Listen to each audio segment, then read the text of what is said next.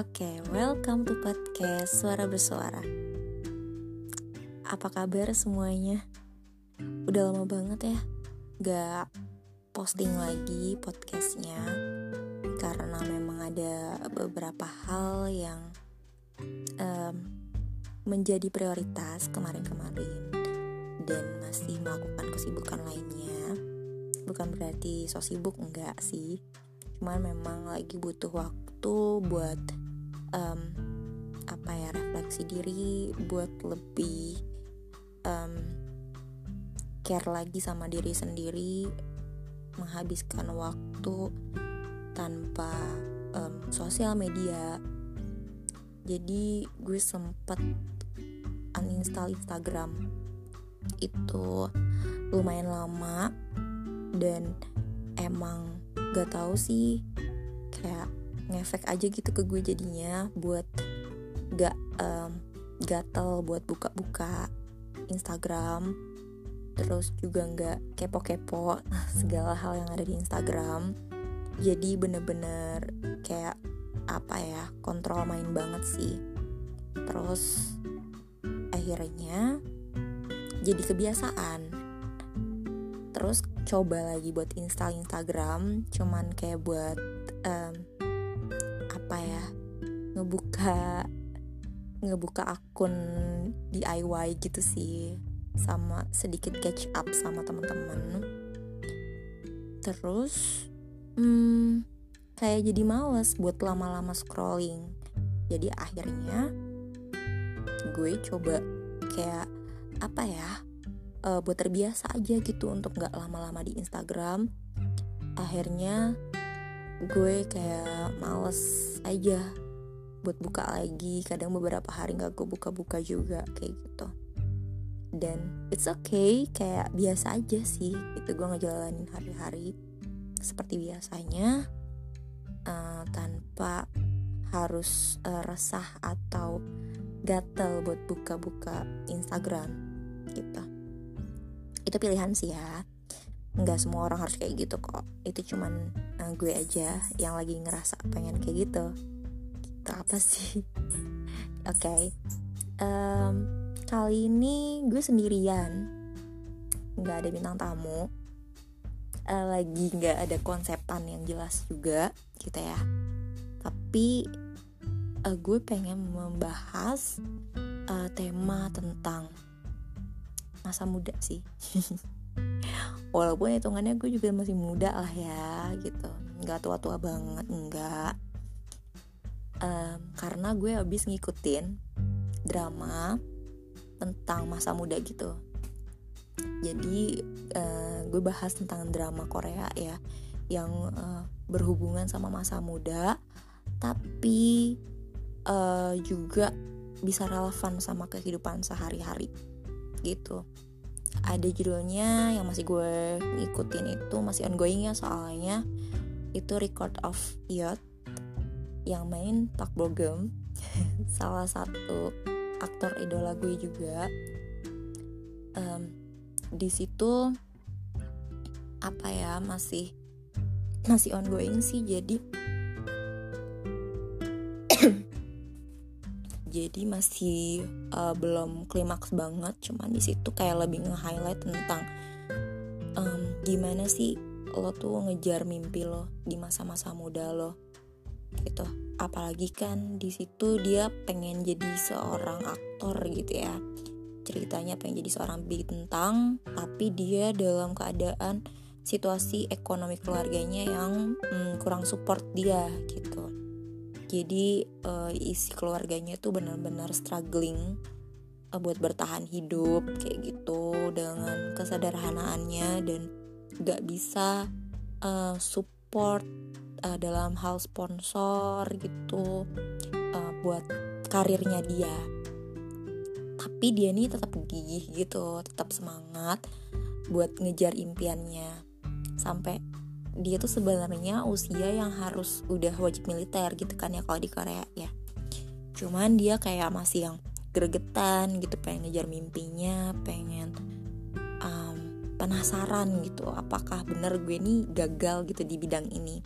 Karena dia berkali-kali berkecimpung di dunia entertainment cuman ya sekedar jadi model aja gitu kurang um, ada dukungan kayak tim manajemennya. Jadi uh, kurang ada kesempatan-kesempatan buat tawaran-tawaran dia buat ngembangin karirnya. Nah sampai akhirnya apa ya dia tuh kayak bener-bener pengen banget nih ngejar gitu kan. Dia nggak mau nyanyiin masa mudanya dia. Dan akhirnya dia ketemu sama um, apa sih istilahnya jadi kayak manajernya dia gitu ya nah yang di situ akhirnya support dia buat dia akhirnya banyak tawaran-tawaran drama segala macem. Sampai akhirnya dia bisa berkarir uh, di bidang yang dia inginkan gitu. Dia nggak mau masa mudanya dia habiskan dengan uh, penyesalan dan sia-sia karena dia nggak bisa gapai impiannya dia.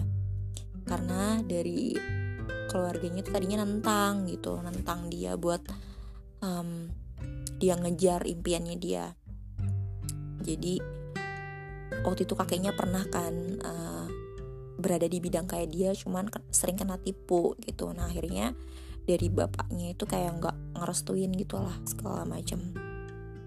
Ya pokoknya intinya gitu. Nah kalau misalnya yang satunya lagi yang hmm, ceweknya ini dia tuh tadinya tuh kerja kantoran gitu. Cuma dia ngerasa boring dan gak passionate dia banget gitu. Dia pengen ngelakuin apa yang dia mau bukan karena disuruh sama orang lain dan gak di bawah tekanan orang lain.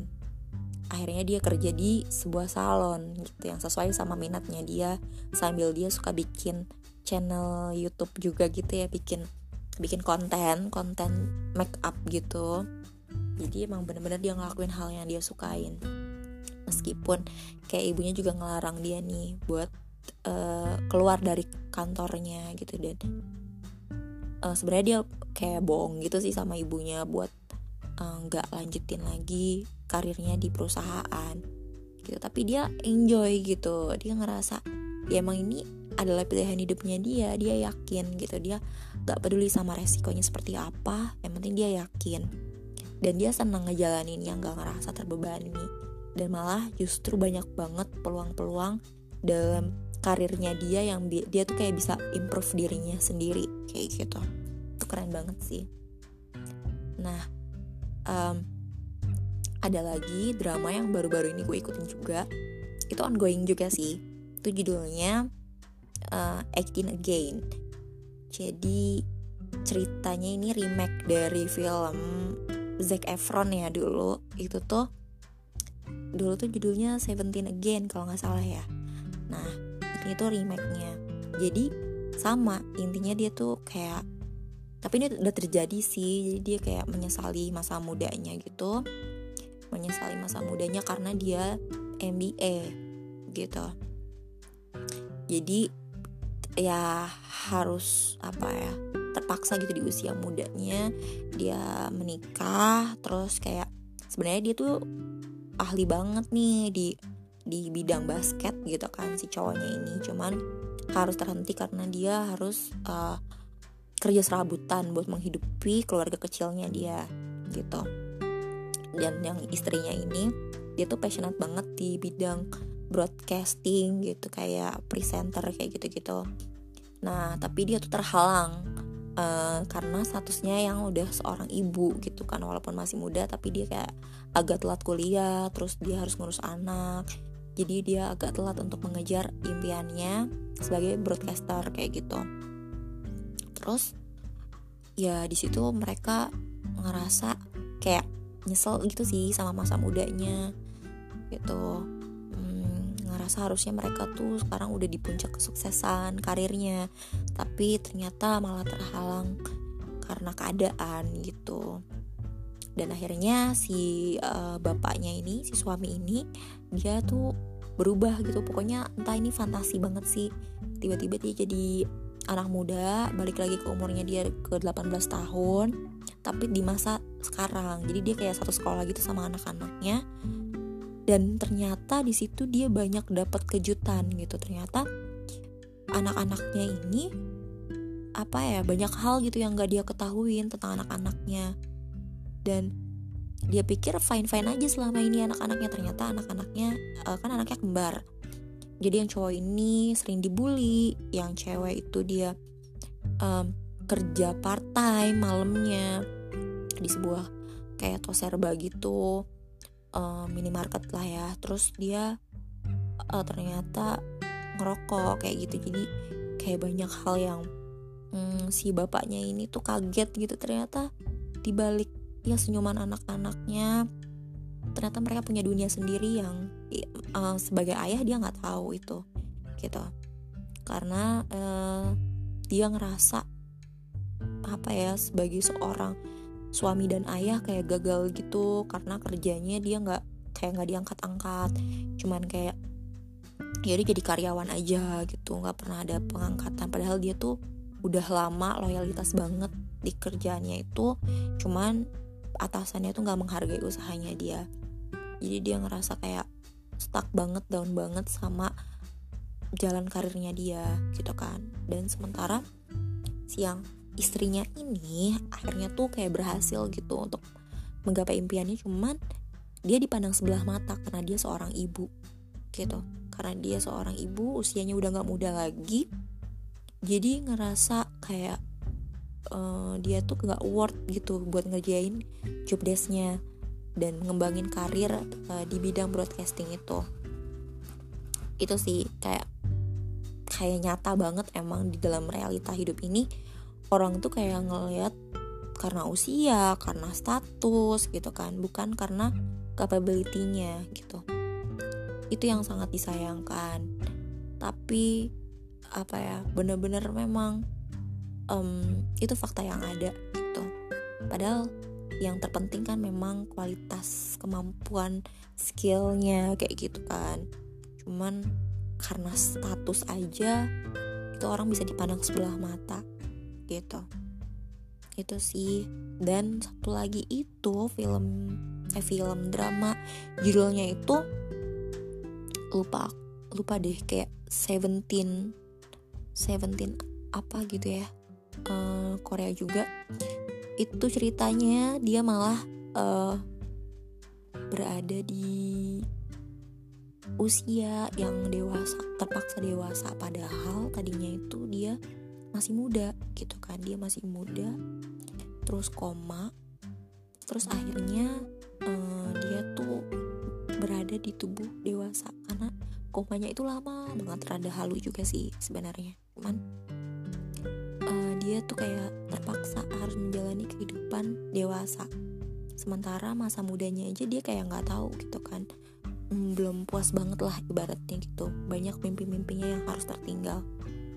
Di situ dia juga terhalang karirnya karena usia gitu. Dan di situ dia ketemu sama seorang anak muda gitu. Yang bener-bener dia tuh atlet gitu kan. Atlet terus juga uh, pokoknya seru deh. Fun banget lah kehidupan masa mudanya. Dan dia tuh pengen gitu uh, ngerasain kayak gitu juga gitu kan. Jadi dia bener-bener di situ banyak pesan moralnya sih. Kalau kita tuh bener-bener harus memanfaatkan masa muda memang sebaik-baiknya gitu. Karena gak ada yang tahu uh, kita tuh bakal bisa melalui sampai tahap tahap akhir masa muda kita atau enggak gitu kan.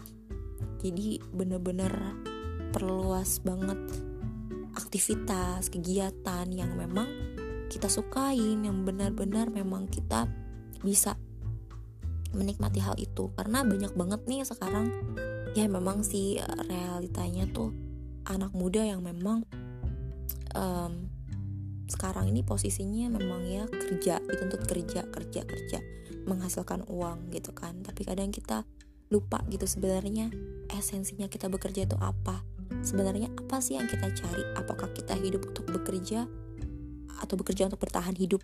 Gitu kan. Itu dilematis banget karena emang gue pun ngerasa kayak gitu juga gitu. Kayak kadang gue juga ngerasa apa yang sebenarnya gue cari? Apa yang sebenarnya bisa bangkitin gue semangat gitu dalam melakukan aktivitas itu? Gitu. Dan gue rasa banyak yang ngerasain hal kayak gitu juga gitu mereka dituntut untuk banting tulang padahal ya mungkin itu nggak passionate banget gitu. Bukan dia banget cuman dia harus karena ngerasa harus bertahan hidup lewat jalan itu gitu. Jadi tiga drama tadi itu menurut gue memberikan apa ya spirit sih gitu. Dan pandangan tentang masa muda setiap orang gitu. Karena ya itu masa muda itu nggak akan bisa uh, berulang lagi. Jadi ketika kita udah melewatinya kadang memang pasti ada rasa penyesalan gitu kan. Entah itu kayak ya ngapain aja gue selama ini? gitu kan. Tapi ya itulah proses fase kehidupan kita. Um, semoga kita nggak hidup dalam penyesalan. Um, penyesalan penyesalan itu sebenarnya adalah pro proses gitu. Proses pendewasaan diri kita juga sih. Gitu. Agak sotoy sih sebenarnya apa yang gue omongin.